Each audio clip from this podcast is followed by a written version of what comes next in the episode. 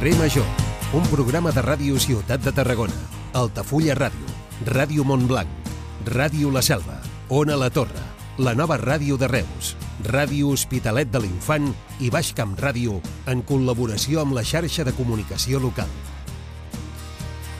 Hola a tothom, bona tarda, benvinguts a Carrer Major. Avui que hem sabut que nous documents mostren que el govern Rajoy usava la policia per investigar al marge de la llei partits independentistes, allò que s'ha conegut com a Operació Catalunya. Embolica que fa fort. Aquest matí, quan ho he sentit, tot i que hi ha coses que no et venen de nou, eh, del tot, simplement que te les confirmen, però jo no sabia si agafar un bol de crispetes i prendre-m'ho prendre amb sorna, o bé enfadar-me de debò eh, i bé, ja m'enteneu. Al detall, una investigació en aquest cas han fet La Vanguardia, el Diario.es i el digital El Nacional ha revelat que el govern de Mariano Rajoy va posar la cúpula de la policia espanyola al seu servei i per investigar partits independentistes per intentar acabar amb el procés. Ho va fer durant 5 anys, no 4 dies, no, 5 anys, des de la diada massiva del 2012 fins al 2016, al marge de la llei i utilitzant recursos públics. Els rotatius han aportat nous documents, declaracions, àudios que han assenyalat que el llavors ministre de l'Interior, en Jorge Fernández Díaz, dirigia aquesta operació, l'Operació Catalunya, i feia arribar a la Moncloa documentació delicada a través d'escortes. Aquest material es posava en sobres en blanc, tancats, sense assumpte ni remitent, ni destinatari, el PP i els sobres, coses de la vida. Segons la investigació d'aquests tres mitjans, tot plegat comptava amb la complicitat i l'ajut dels principals caps de la policia espanyola. Això a nivell general. Aquí, a nivell de territori, també tenim els nostres maldecaps. I el de la gestió de l'aigua eh, n'està generant molts. Aquest cap de setmana el Departament d'Acció Climàtica ha anunciat eh, que tirarà endavant dos projectes per fer arribar aigua de l'Ebre al Priorat, els dos pantans que hi ha, el de Margalef i el de Siurana, per tal de garantir el rec a les vinyes i oliveres d'aquesta comarca. No tothom ho veu bé, però. Mm, des de la plataforma en defensa de l'Ebre ja han tornat a posar el crit al cel i des de la plataforma Riu Siurana tampoc ho acaben de veure clar perquè consideren que el que s'hauria de fer és vetllar perquè aquest riu pogués recuperar el seu cabal ecològic, que és el que hauria de regar en realitat la comarca del Priorat. I d'altra banda també eh, tenim entremig eh, les obres del tercer fil, que entren en una nova fase.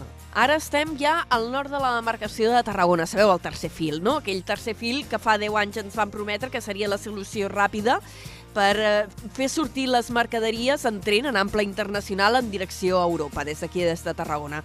Doncs ara les obres estan arribant al tram del Penedès, eh, s'intervé des d'avui mateix en el tram que va des de Sant Vicenç de Calders fins a Vilafranca i això obliga a tallar la circulació de la línia R4 amb el consegüent desgavell per part dels usuaris que ja us podeu imaginar.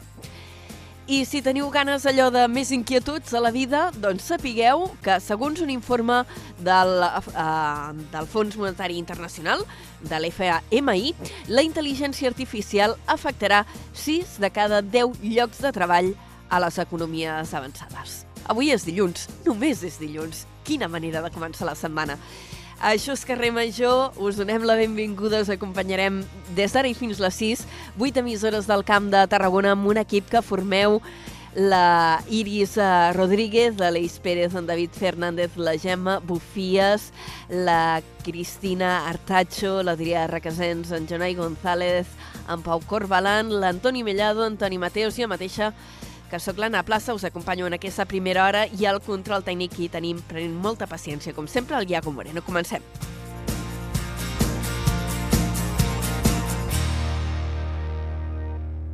Carrer Major, Anna Plaza i Jonai González.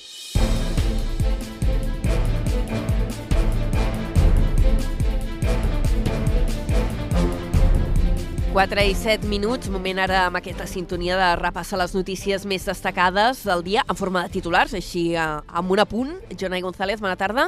Molt bona tarda.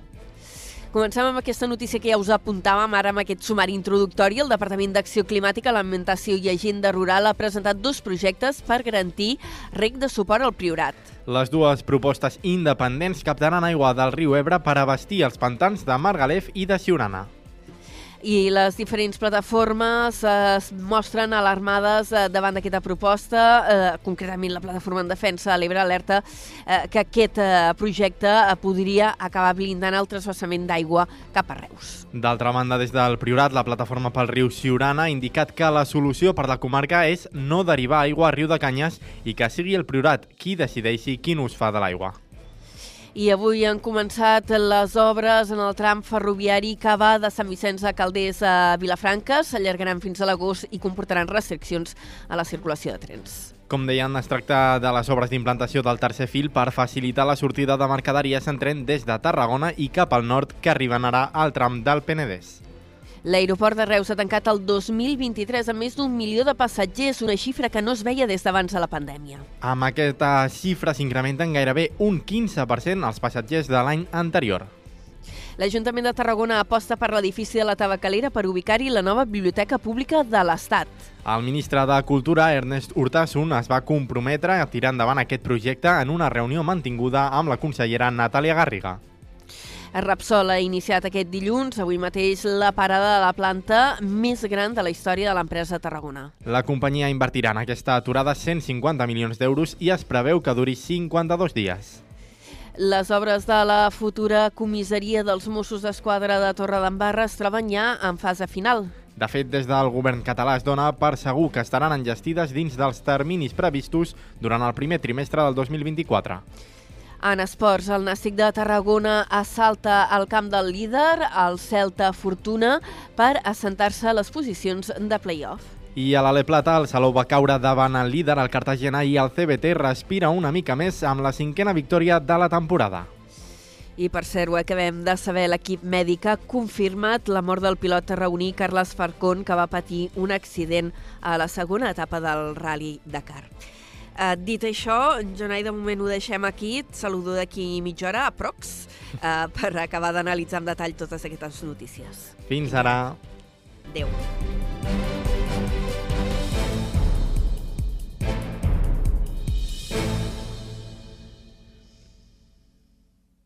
Carrer Major. Toni Mateos.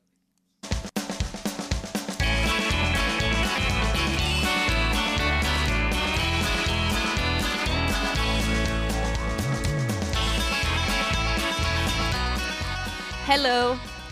Anna Plaça, Què? molt de parlar tu de l'Operació Catalunya, de la Sí. policia Sí. eh, patriòtica i tot això, Sí. però encara no sabem qui és M. Rajoy. No, clar, No. però... Fixa-t'hi, tot va de sobres, eh? Tot va de sobre, sí, sí. Tot va de sobres. Ho he ficat a Sobres Twitter. amunt, sobres avall, pim-pam. Jo he ficat a Twitter, hay que ver lo que les gusta al Partido Popular los sobres. Sí, és el concepte. I, i mira, he vist una cosa a Twitter que m'ha semblat brillant, brillant. Digues. Ho van publicar ahir. Una foto de Xavi Hernández, Sí, l'entrenador del Barça, sí, que deu estar molt cara- content avui. amb cara de preocupació, Normal. una salutació que diu Hola Xavi! I saps qui ho ha publicat això? I... Infojobs. Ostres, oh! M'ha semblat m'ha semblat que el, que el community manager d'Infojobs i t'agrada- fer... Però, en sèrio, el perfil En oficial d'Infojobs? Infojobs al, al Twitter o a la X d'Infojobs, ara que es diu X o com es digui, Sí, aquest, de, sí, la aquest aquesta, camp de dimonis sí. que és Twitter, Sí. hi ha Infojobs, al, al, hola Xavi, saludant a Xavi, amb la foto Infojobs, el perfil d'Infojobs. Brutal, m'ha semblat brutal. No hi ha pietat. Te'n recordes, no?, quan Javi havia de venir al Barça i tot era oh, el Javi, a veure quan ve, a veure quan ve, i semblava que no ens ho ve, podíem que ve acabar, d'entrenar no? un equip, ve d'entrenar un Sí. equip de la Dàvia. Oh, sí, per favor. Ha pres molt allà. Eh, molt, molt. Bueno, a veure, pobre xiquet, no? Però bueno, és que clar, és, No, no. Aquest, aquest món del futbol té aquestes coses de passions que passen un- d'un extrem a l'altre, eh? Des de un ens ha de salvar la vida a Uh-huh. mm, vés-te'n a. Sí, sí, és un caramel enverinat entrant al Barça, tu, de. Hombre. eh. Sí, Jo sí, no jo sé, crec que em faria no. la sueca.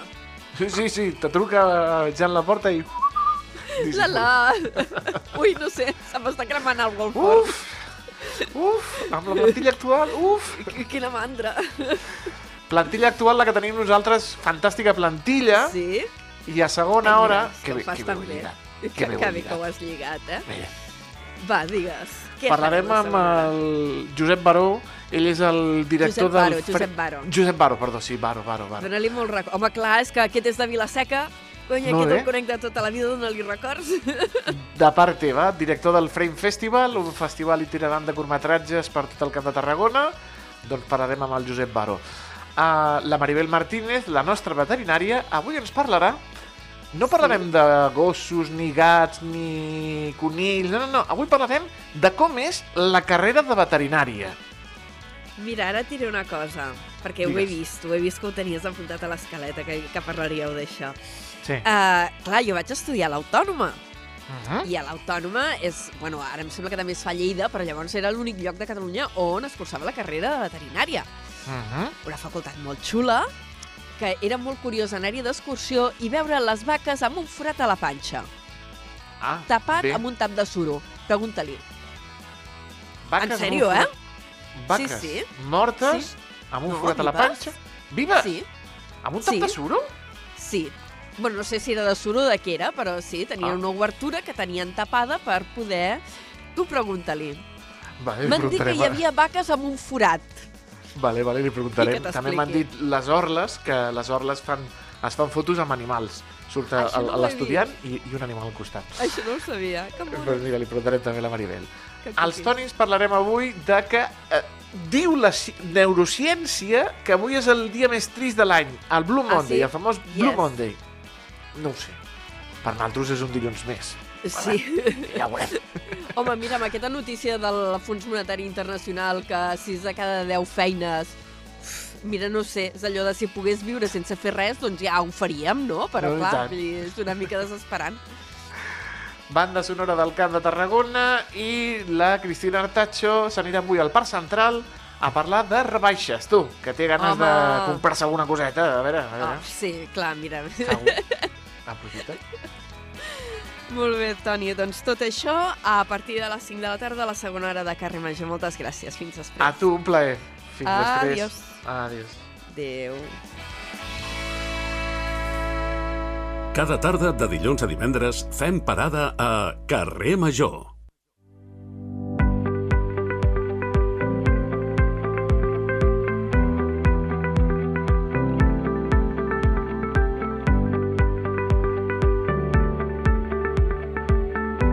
Avui a l'entrevista de la primera hora de Carrer Major eh, volem parlar de dolor crònic. El motiu és que el Parlament Europeu eh, l'ha inclòs en l'informe sobre salut mental amb l'objectiu de millorar-ne el tractament. Hi ha una persona a la Universitat eh, Rovira i Virgili eh, que ha treballat per tal de que hi hagi aquest eh, reconeixement eh, per part de les institucions europees. Estem parlant d'en Jordi Miró, que és director de la Càtedra del Dolor Infantil. Eh, professor Miró, bona tarda, benvingut a Carrer Major. Hola, bona tarda. Què significa que el dolor crònic s'inclogui eh, dintre de l'espectre de salut mental, també? Bueno, és un fet molt important. Uh, vol dir que reconeix que els malalts no solament tenen problemes físics, sinó també a nivell psicològic. De fet, qualsevol tractament que vulgui tenir una mica d'èxit, que contempli aquesta possibilitat de ser interdisciplinari. Això que vol dir és no solament atendre les necessitats físiques, sinó també emocionals, cognitives i altres tipus que, que, que, que es troben en les persones que tenen problemes crònics de dolor. Uh -huh. uh, vostè està especialitzat concretament en, en la part de dolor crònic que afecta sobretot a infants i joves, que és un segment de població en què normalment no hi pensaries, no? Perquè penses dolor crònic, artrosis o malalties d'ossos i penses en gent gran, però també hi ha gent jove uh, afectada d'aquest tipus de problemes. Sí, efectivament. De, de fet, jo vaig començar la meva formació a especialitzar-me en això treballant amb gent gran. Mai vaig pensar que treballaria en població infantil o juvenil, però la realitat de les coses, la dificultat que hi ha per aconseguir que aquestes persones rebin el millor tractament possible va fer que decidit dedicar part del meu temps, i en aquests moments la major part del meu temps i de les persones que integren el nostre grup, de treballar amb aquesta població, perquè, com insisteixo, els recursos són extraordinàriament il·limitats i aquesta gent pateix. És cert que eh, quan pensem en dolor crònic pensem en gent gran, però hi ha nens, adolescents que tenen problemes crònics de dolor i el pitjor de tot plegat és que, malgrat que sabem què és el que cal fer, no es fa. Tot i sabent que un dels factors de risc més importants per desenvolupar problemes crònics de dolor en l'edat adulta és haver tingut dolor que no s'ha resolt satisfactòriament mentre estàs creixent. Mm -hmm. Però hi ha vegades que aquestes causes de dolor, mmm, diguéssim, no, no són eh, curables. Eh, és un dolor que serà t'acompanyarà durant tota la vida eh, i moltes vegades és fins i tot eh, ignorat eh, des del punt de vista eh, facultatiu, no? És allò de, bon, et fa mal, doncs et fa mal, no? Conviu-hi. Sí, uh, a veure, el do, de dolor crònic hi ha el dolor crònic primari, que, que, que aquest dolor és un dolor, és una malaltia en si mateix. I en ocasions tenim clar els facultatius, per si utilitzen aquesta expressió, els experts eh, en salut, tenim clar quin és el problema que hi ha subjacent, però en d'altres no. En d'altres el que acaba passant és que eh, els problemes físics subjacents o que instiguen en, primera, en primer lloc l'aparició del dolor s'han resolt satisfactòriament i aleshores és molt difícil de saber què és el que passa. Eh, sabem, de fet, que quan el dolor es cronifica, és molt difícil que desaparegui. Per això, precisament, i a més a més sabent com ha de ser el tractament, el millor, la millor estratègia és eh, que aquestes persones rebin el tractament el més aviat possible, posar-ho a la seva disposició com abans. Mm -hmm. eh, vostè parla, eh, vostè clar, ve de l'àmbit de la psicologia, per si els oients no, no ho saben, ara ho apunto, eh, el Jordi Miró és professor a la Facultat de, de Psicologia de la Universitat Rovira i Virgili. Eh, quin tipus d'atenció psicològica es pot prestar a la gent que, que pateix dolor crònic? Bueno, doncs, eh, en general, eh, hem d'estar parlant d'estratègies que ajudin a, a afrontar de forma més adequada el problema. Les tècniques clàssiques que tenim aquí són la reestructuració cognitiva, que de fet és el tractament que ha demostrat major eficàcia per ajudar a aquestes persones a, a tenir una millor qualitat de vida.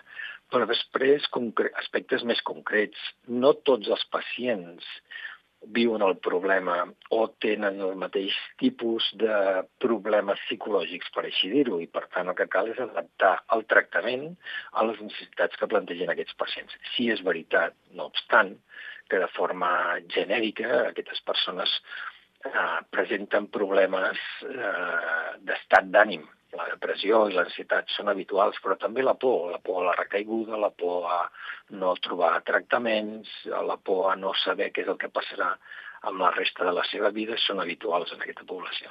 Eh, llavors estem parlant, i eh, ho explicàvem des de la Universitat Rovira i Virgili amb la informació que, que ens van fer arribar, eh, de que es tracta mm, o és necessària una atenció eh, interdisciplinar, no? és a dir, que hi hagi d'una banda aquesta atenció psicològica que entenc que ha d'anar en paral·lel al tractament mèdic que mm, sigui convenient si és que n'hi ha.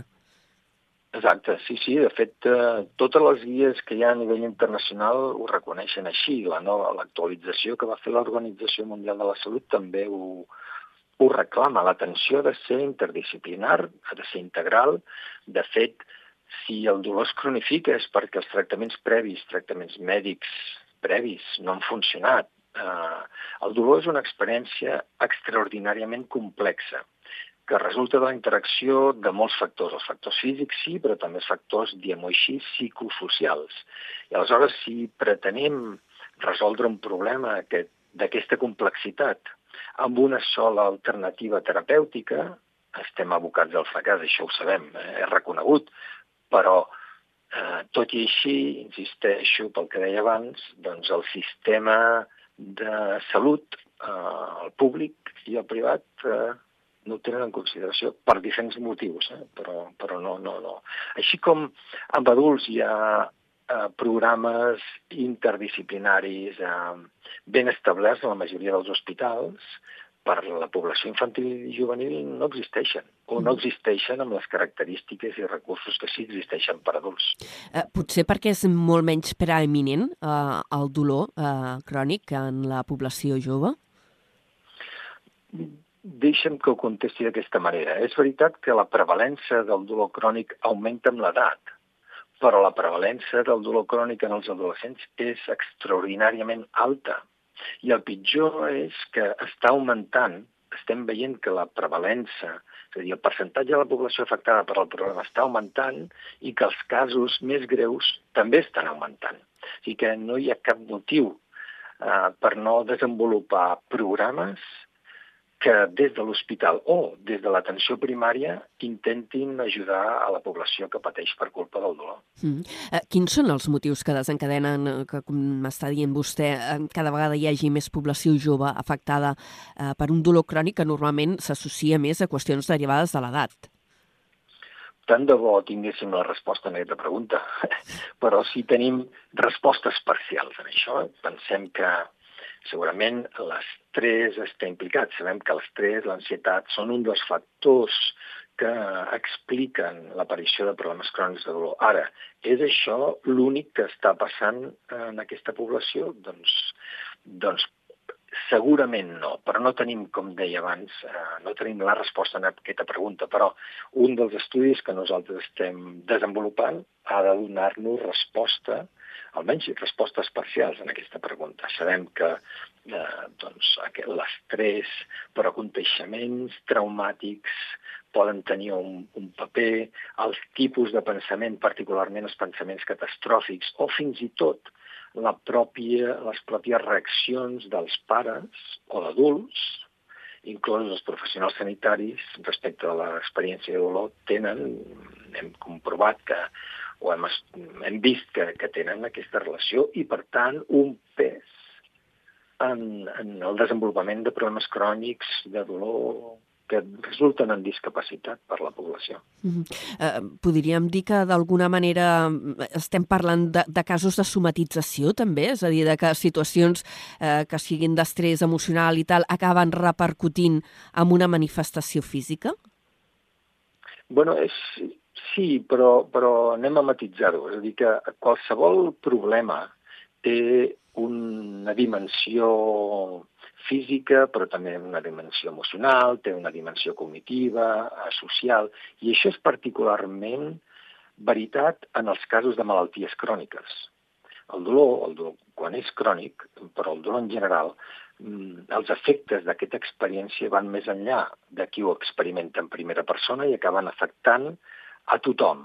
I això vol dir que les reaccions dels pares, deia ara fa un moment, eh, en funció de les reaccions dels pares, eh, aquests nens també acaben aprenent com eh, s'espera d'ells que afrontin el problema. Per tant, la somatització sí, però, que, però el que cal tenir present és que aquest dolor és un dolor molt, molt cert, eh, que existeix, que no s'ho estan inventant eh, i que aquest, el que en ocasions pot dir guanys secundaris com a conseqüències d'experimentar problemes de dolor, poden existir, però no són els casos més habituals. Mm -hmm. El nen, quan es queixa, deixem que insisteixi en això, quan un nen es queixa, els adults hauríem d'escoltar-lo i buscar ajuda per resoldre aquest problema. Uh, una altra qüestió amb el tema del dolor, i permet, ja, si vol, acabarem perquè sé que vostè ara té una altra reunió, um, és el tema de la medicalització. Uh, S'abusa de determinats tractaments uh, um, per pal·liar el dolor o, o realment són necessaris o es deixa tot en mans del medicament i no es fa aquesta atenció paral·lela que vostè considera que hi hauria d'haver?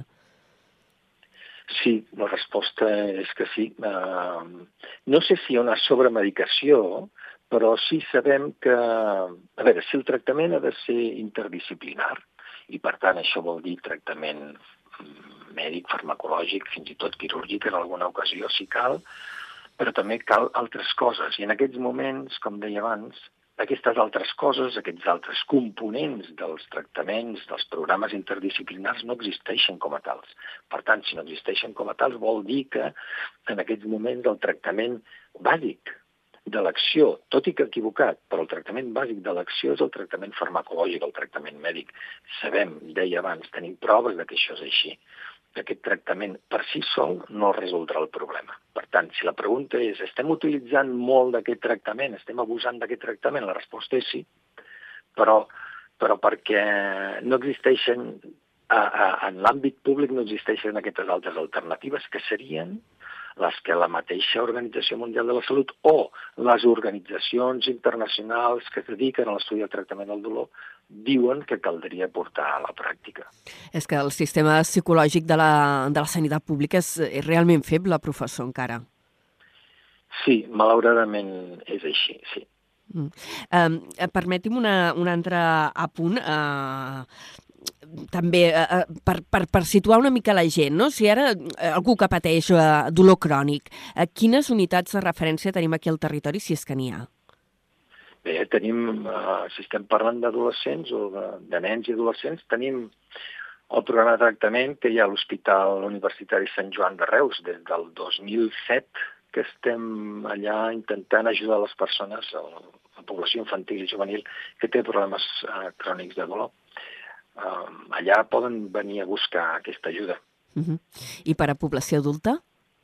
Bueno, la població adulta doncs, n'hi ha en tots els hospitals, eh, Joan 23, n'hi ha a Sant Joan a Reus, també, eh, a, a, a Valls, però cadascú té unes característiques molt concretes. No tots estan, no tots disposen d'aquestes alternatives eh, de les que ara estàvem parlant, però unitats eh, especialitzats en el tractament del dolor n'hi ha en tots aquests hospitals.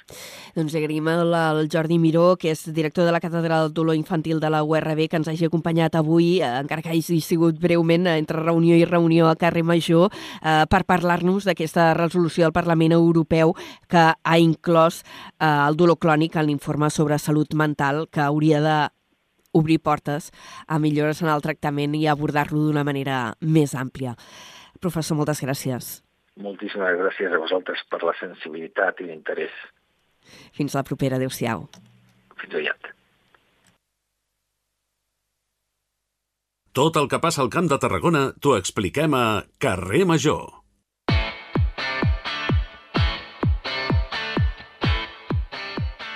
Vinga, seguim endavant a la primera hora de carrer Major. Ara és el moment que els dilluns dediquem de moment a fer anàlisi esportiva, quan comencin els castells ja tornarem a parlar de castells. Ho fem amb el nostre home de capçalera en aquests temes, que és en Carles Cortés. Carles, bona tarda i benvingut a Carrer Major. Hola, Anna, moltes gràcies. Què? No, que em fa gràcia això dels castells, perquè estem a 15 de gener i ja, ja estem pensant en castells. Em fa Sí. molta gràcia. Sí, bueno, uh, quan és la nit de castells? Perquè no era a finals... Ara m'estic Sí. tirant de la moto perquè tinc memòria de peix, però no és normalment a finals de gener. Sí, sí, el Ah. dissabte 27 serà la nit de castells a Valls, que és, la nit de castells tanca més la temporada anterior que obrir la nova, perquè Ja. d'alguna manera a la nit de premis el que fa és entregar-se els premis als millors de la temporada anterior. Però sí que és veritat que moltes vegades tenim la mentalitat que la nit de premis ja és la nova temporada, però important el matís, eh? Són els premis de la temporada anterior. Però bueno, és allò del xup-xup que no para. No, però escolta'm una cosa, que ara per Santa Eulàlia al febrer a Barcelona ja hi haurà castells, vull dir Home. que tampoc no vas desencaminada. Santa Eulàlia, 14 de febrer? Més o menys, sí. No et sé la data exacta, però sí, perquè les colles de Barcelona actuen a la plaça Sant Jaume. Mira, veus? Si és que hi ha...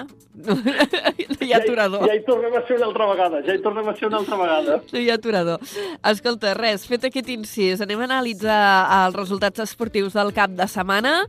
Uh, uh, ha sigut una mica poti-poti, eh? barreja de, de resultats, uh, per alguns de molt satisfactoris, com per exemple el que ha tingut el Nàstic.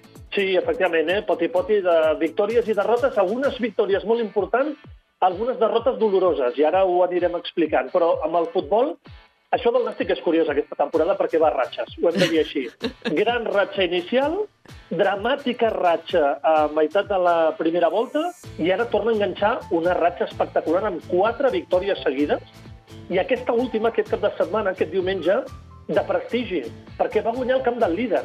Un equip que és el màxim golejador de la categoria, que estava primer en diferència, i el Nàstic es va plantar al camp del Celta Fortuna, un filial del Celta de la primera divisió, i va guanyar 0-1 amb gol de Pablo Fernández, consolidant-se en promoció d'ascens, situant-se només 4 punts del líder, tancant la primera volta en llocs d'honor. O sigui que, d'alguna manera, tanca la primera volta somiant. El Nàstic somia en jugar la promoció d'ascens com a mínim. El primer puja directe i els altres quatre juguen la promoció d'ascens. Per tant, el Nàstic tanca la primera volta, 35 punts, somiant amb l'ascens de segona A. Compte, queden 19 jornades de Lliga, eh? Això és molt llarg encara, però la victòria és molt de prestigi aquest cap de setmana al camp del Celta Fortuna. Uh, els vas veure, no? M'imagino. Sí, sí, Què sí, tal? sí. Com, uh, o sigui, més enllà de que guanyessin, eh? Però... Mira, partit pràctic, defensiu. O sigui, va ser un partit defensiu. El Celta és l'equip més golejador de la categoria i el Nàstic sabia que per guanyar aquest partit s'havia de defensar molt bé i si tenia una ocasió fer-la. I més o menys va ser això, perquè el Nàstic l'ocasió la va tenir al minut 8 de la segona meitat i va marcar Pablo Fernández. La veritat és que ells, el Celta, van tenir moltes ocasions, moltes ocasions, i el porter Alberto Baron va aturar moltes. O sigui, va ser un partit defensiu, molt seriós, concedint ocasions al rival, perquè saps que és un equip que et donarà eh, molta feina i que crearà moltes ocasions, però entre el porter i la defensa van fer un molt bon partit defensiu al Nàstic. Doncs el Nàstic estan molt contents. Qui també està content? Mira, la Rapitenca, la teva Rapitenca... Ai, pobrets de meus. setmana Està... Sí, sí, perquè va guanyar també un partit important contra el Girona B, és un dels equips importants de la tercera federació, el Nàstic, recordem, primera federació, ara parlem de la tercera federació tenim tres representants, i la Rapitenca vol salvar l'honor, perquè és l'únic equip que ha guanyat aquest cap de setmana, 1-0 al Girona B, i atenció, saps que et deia allò que patirà molt, que ho té molt difícil, Sí. que està a la zona baixa? Doncs guanyant, guanyant a poc a poc, s'ha col·locat a dos punts de la permanència. Només Mira. dos. O sigui, hi ha només un partit de la salvació i queda molta lliga. Per tant, agafa aire la teva rapitenca. La meva rapitenca, no sé, és allò d'aquella aquell carinyo que et desperten els perdedors, no? És allò de... Efectivament. Pierno de. Lluna. Hi havia aquell personatge de dibuixos animats que era Pierno senyor. de Lluna, doncs és...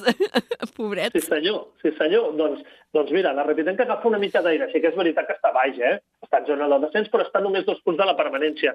I, en canvi, els que aquest cap de setmana han pujat són el Reus i la Pobla. El Reus perdent a casa, 0-1 davant del Tona, i la Pobla perdent 2-0 al camp del Castelldefels. El Reus ha caigut de la zona de promoció d'ascens, ara està fora de la promoció d'ascens, i la Pobla tinc la sensació que comença a mirar més per avall que no pas per amunt. Mm, Veurem si això només són dues ensopegades puntuals o es comença a crear certa tendència, però la Rapitenca agafa aire i el Reus i la Pobla necessiten millorar en l'inici d'aquest 2024. En general, començo a tenir sensació de moltes fluctuacions, eh, aquí. Sí, sí, la veritat és que sí. Jo tenia la sensació que en aquesta tercera federació tant el Reus com la Pobla estarien dalt, estan a temps de sèrie, eh? que no vull que no hi siguin eh, a dalt, però em sorprèn aquesta punxada del Reus a casa contra el Tona, perquè el Reus ha ofert molt bona imatge en aquest inici de temporada. A més, aquesta darrera setmana s'ha reforçat amb un jugador portuguès que va jugar en l'etapa del Reus a segona divisió, que és eh, Ricardo Bá, i que serà un jugador d'aquells importants segons aquesta plantilla, però és un jugador molt creatiu. I em sorprèn una mica, sobretot això del Reus a, a casa seva davant del Tona en aquesta tercera federació. Vinga, anem repassant altres esports. Eh, dèiem que hi havia més gent que, que, que estava contenta i jo pensava especialment en el CBT. Sí, sí, sí, ha d'estar molt content perquè va tornar a guanyar. Saps aquest patiment que estem tenint amb el Club Bàsquet Tarragona, en aquest inici de temporada, canvi d'entrenador, doncs va guanyar a casa davant de l'Alginet de 6 punts, eh, no, de 16 punts, perdona, 84-68, de 16 punts va guanyar. Per tant, agafa una mica d'aire. Continua la zona baixa. Una mica, Club Bàsquet Tarragona i Rapitenca estan igual. Allò de, estan allò nedant i nedant i nedant i nedant per arribar a la vorera i de moment naden bé. Aquest cap de setmana, victòria al Club Bàsquet Tarragona de Ricardo Serna, per tant, 5 victòries ja a la classificació, 11 derrotes, això sí, i encara en zona de descens. Ha de nedar una miqueta més. Queda temporada, queda lliga, però agafa aire i és molt important. I, en canvi, en aquesta Le Plata, qui perd és el Salou. que sí, no? dèiem- que anaven tan bé. Correcte. Però té una explicació, Anna. Què? Va jugar al camp del líder. Ah, amigo. Clar, llavors el Cartagena és un equip que està molt bé aquesta temporada, que ho està fent molt bé, que és invicta a casa seva i va perdre el Salou 77 a 70. Que se mantengui el que diré. victòria previsible. Ai, perdona, derrota previsible. Ja, ja, derrota ja, es, previsible. es La veia Barcelona. venir una miqueta, no? Allà, era Bueno, complicat. D- sí, Diguéssim que és la, la derrota sí. que es pot permetre. Sí, que vas a una pista que dius aquí és molt difícil, bé, no passa res, aquí es pot perdre, cap problema, perquè el Salou continua quart, està en una zona còmoda, 10 victòries, 6 derrotes, està molt còmode la classificació al, al Salou. I atenció perquè d'aquí dues setmanes, Sí? aquest cap de setmana pròxim, no hi ha Lliga, no hi ha competició a Le Plata, i diumenge 28 tenim el derbi, Salou Club Bàsquet Tarragona. Ah, molt bé, emocionant. Per això serà el 28, eh? O sigui, encara ens queden dies. On se jugarà?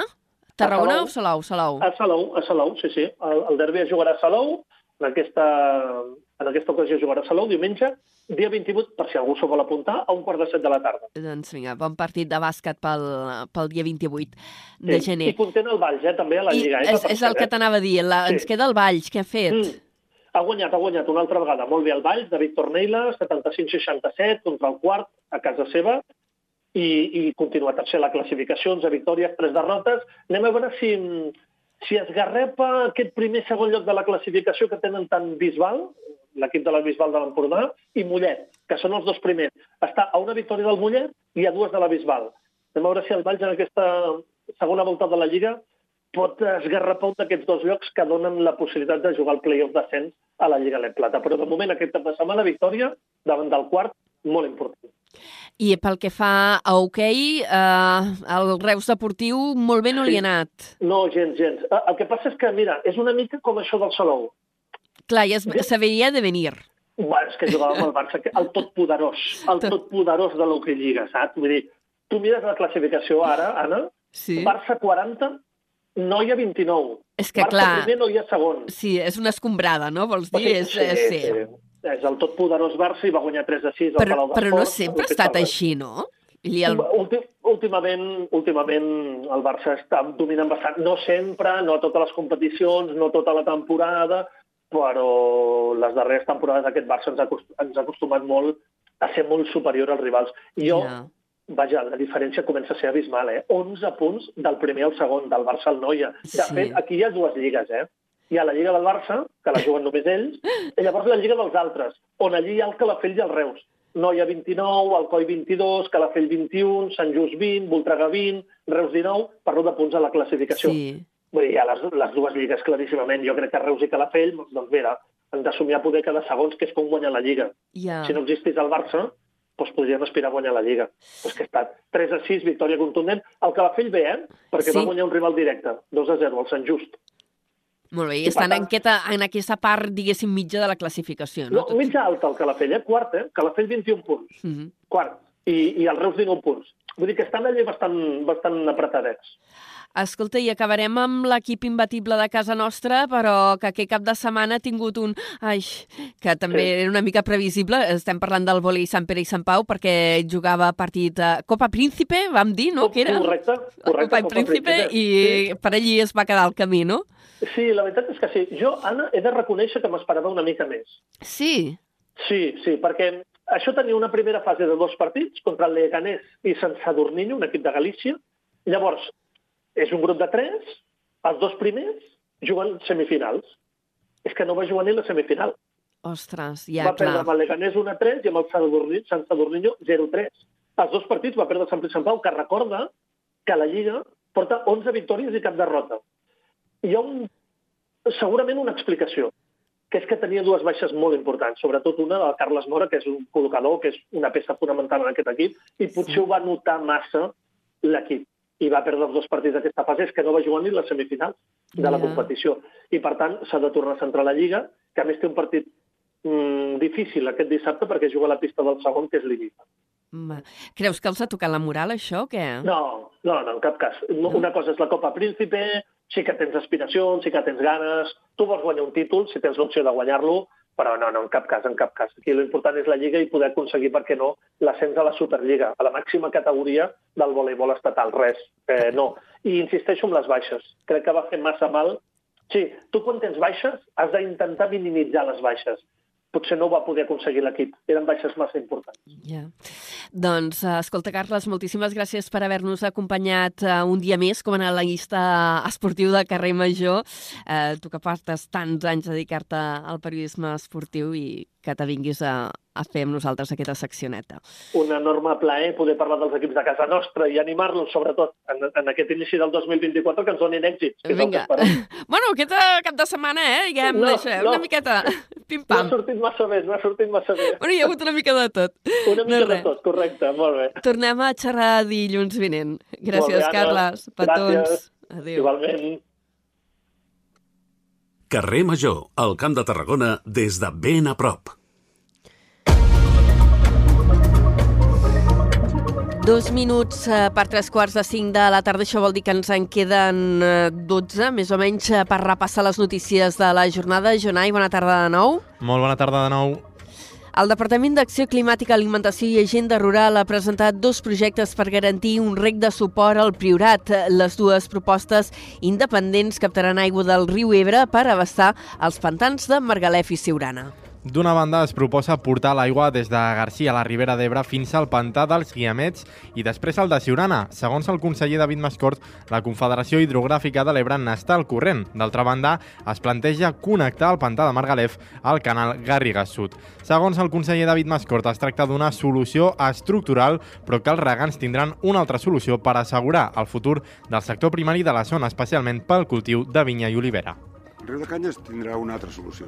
Nosaltres ja hem explicat que hem licitat el projecte per portar l'aigua regenerada de la, de la era de Reus fins a l'embassament i, per tant, tindrem l'aigua per portar a Riu de Canyes des d'allà, però és evident que la, la comunitat de regants de Riu de Canyes té una concessió i que hem de veure si podem deixar de fer servir-la i, per tant, deixar de portar aigua de Sirona cap a Riu de Canyes, que seria l'òptim. Dues propostes que, si els tràmits no s'endarrereixen, veurien la llum en els propers 3 anys. La previsió és enllestir-ho tot pel 2027 i utilitzar 5 hectòmetres cúbics d'aigua anuals. Els dos projectes, d'un pressupost d'uns 60 milions d'euros, ja tenen elaborats els estudis de viabilitat i beneficiarien fins a 10 municipis. A banda, recordem que hi ha el projecte de l'ACA per tal que els regants de Riu de Canyes puguin utilitzar l'aigua de la depuradora de Reus i les diferents plataformes s'han mostrat inquietes davant de la proposta d'acció climàtica. Concretament, la plataforma en defensa de l'Ebre alerta que aquestes idees blindarien el trasbassament d'aigua a Reus. D'altra banda, des del Priorat, la plataforma pel riu Siurana ha indicat que la solució per la comarca no és derivar aigua de riu de Canyes i que sigui el Priorat qui decideixi quin ús es fa de l'aigua. Les entitats també creuen que la proposta no té res a veure amb la situació actual de sequera i escassedat perquè es tracta d'una obra a 3 anys vista. El portaveu de la plataforma en defensa de l'Ebre, Manolo Tomàs, valora la proposta d'acció climàtica. Sí que és veritat que ens alarma moltíssim que mm, torna a parlar d'una captació d'aigua de l'Ebre cap, a, cap al Siurana, quan el Siurana és un riu que està desviat cap a, cap a, la, cap a la zona del Baix, perdó, del Baix Camp i de Reus. No?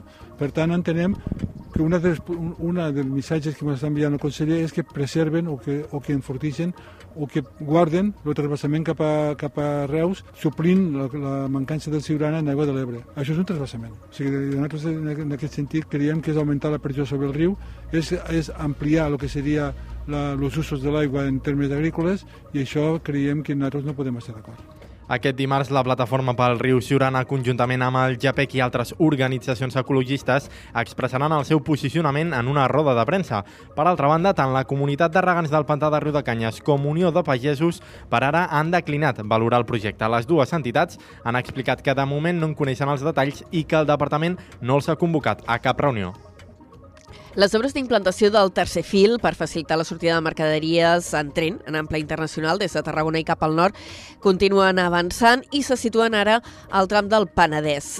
De fet, avui han començat oficialment les obres en el tram que va des de Sant Vicenç de Calders fins a Vilafranca. S'allargaran fins a l'agost, eh, fins a l'agost, volem dir, i comportaran restriccions en la circulació de trens. Els treballs afecten els trens de la línia R4 de Rodalies. Els dies laborables, la circulació estarà tallada gairebé tota la jornada. Renfe ha, ha habilitat un servei d'autobusos en parada a totes les estacions. Amb tot, molts usuaris han lamentat la manca d'informació que hi ha hagut sobre aquest tall. Són declaracions recollides per l'Agència Catalana de Notícies a les estacions del Vendrell i Sant Vicenç de Calders. No sé, me parece pues mal porque uno llega ya a la estación y no tiene información a veces de nada. ¿sí? Em vaig informar ahir al grup de classe perquè algú va enviar el document, però no sabia... Fora del grup de classe no em vaig enterar que hi havia aquest, aquest um, servei.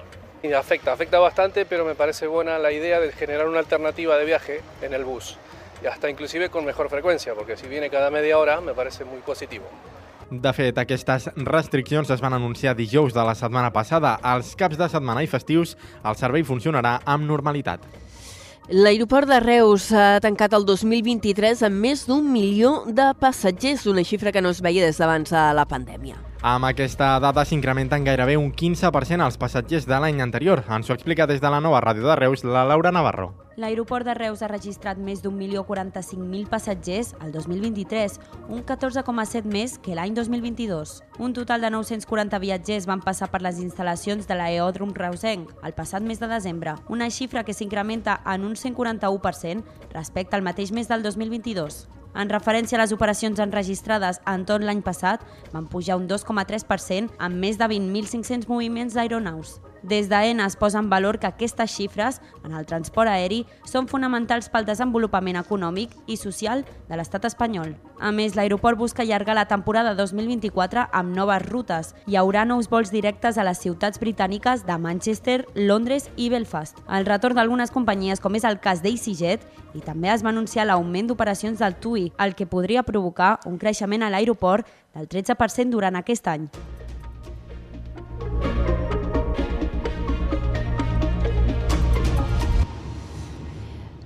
I també us hem d'explicar, ja entrant en crònica local, que l'Ajuntament de Tarragona aposta per l'edifici de la Tabacalera per ubicar-hi la nova Biblioteca Pública de l'Estat.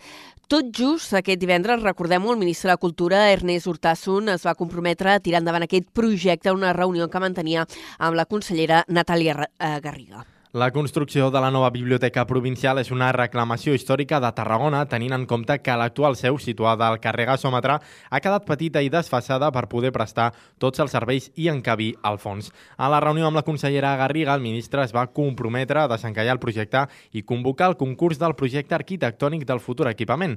Després d'aquest anunci, l'Ajuntament ha comunicat que la Tabacalera és la ubicació més idònia per a la nova biblioteca, que tindrà uns 8.000 metres quadrats. El projecte arquitectònic haurà de definir quines parts de la tabacalera s'acaben utilitzant.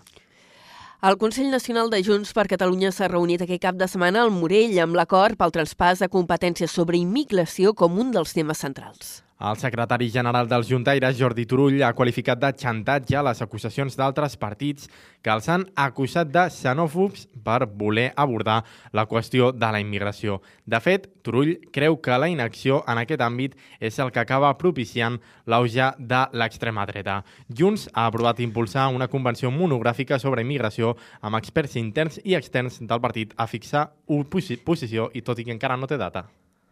I seguim en política, per ara en clau més local. Esquerra Republicana portarà al plenari de Tarragona mocions sobre les millores a la T11 i la Nacional 340. Els republicans també presentaran una segona moció per impulsar la transició energètica. Des de Ràdio Ciutat de Tarragona en té més detalls la Triaduc.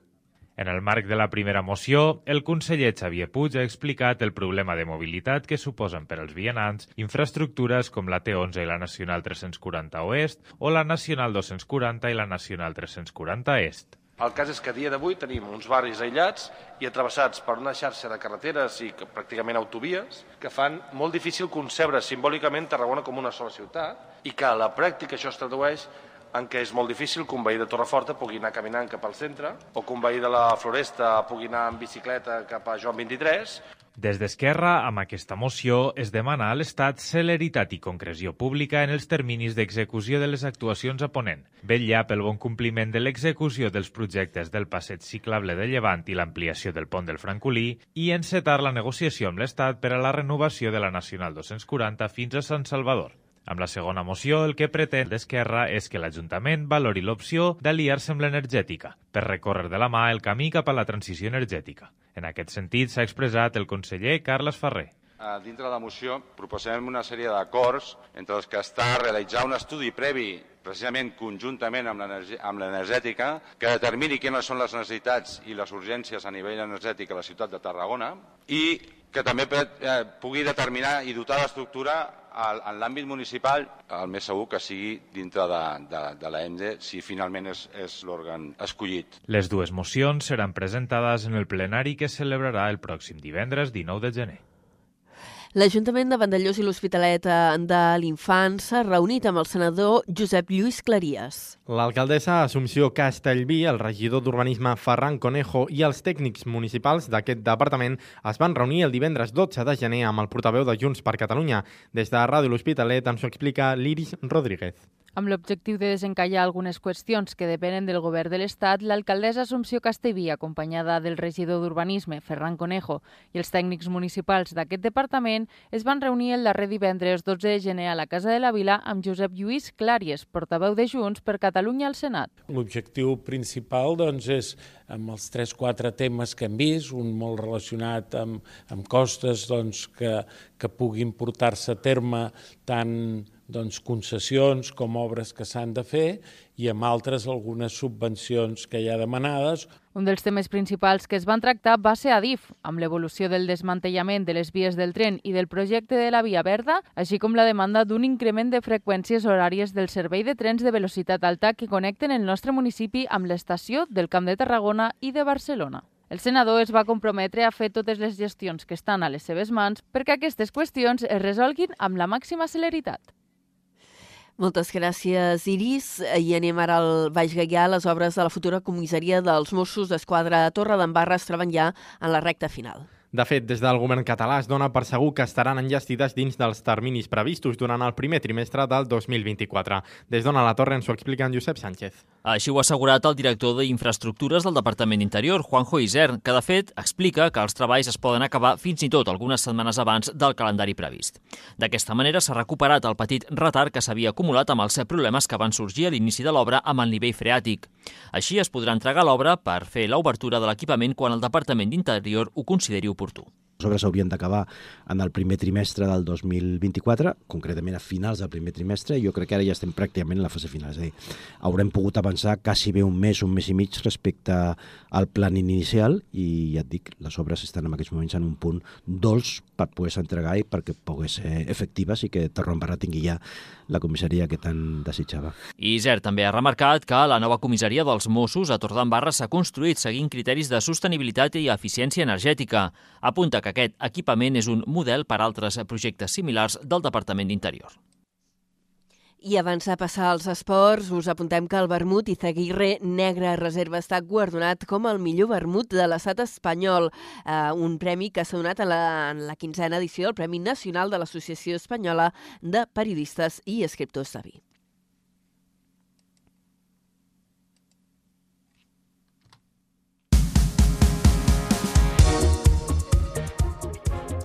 I avui la plana esportiva ve marcada per aquesta notícia d'última hora que us avançàvem també en titulars. L'equip mèdic de Carles Falcón ha confirmat la seva mort. Els metges han assegurat que els danys neurològics causats pel pilot tarragoní eh, per la parada respiratòria en el moment de l'accident que va patir en el Rally de Dakar eren irreversibles. El pilot es trobava en estat crític després de patir un accident a la segona jornada del Dakar. El passat dilluns l'ingressaven a un hospital de Riad i divendres va ser repatriat a Espanya en un avió medicalitzat. I d'altra banda, ja analitzant resultats, el Nàstic de Tarragona assalta el camp del líder, el Celta Fortuna, per assentar-se a les posicions de uh, play-off. Els llanes van encadenar ja quatre victòries consecutives i tornen a ser un dels equips capdavanters de la categoria. Amb aquesta victòria, els granes se situen a 4 punts del liderat que cau en mans de la Pontferradina. De la mateixa forma, el Nàstic continuarà a les zones de play-off i posant terra per mig als seus perseguidors. I tanquem d'aquesta manera la primera hora de carrer major. Eh, ara a les 5 agafa el relleu Antoni Mateos. Fins després.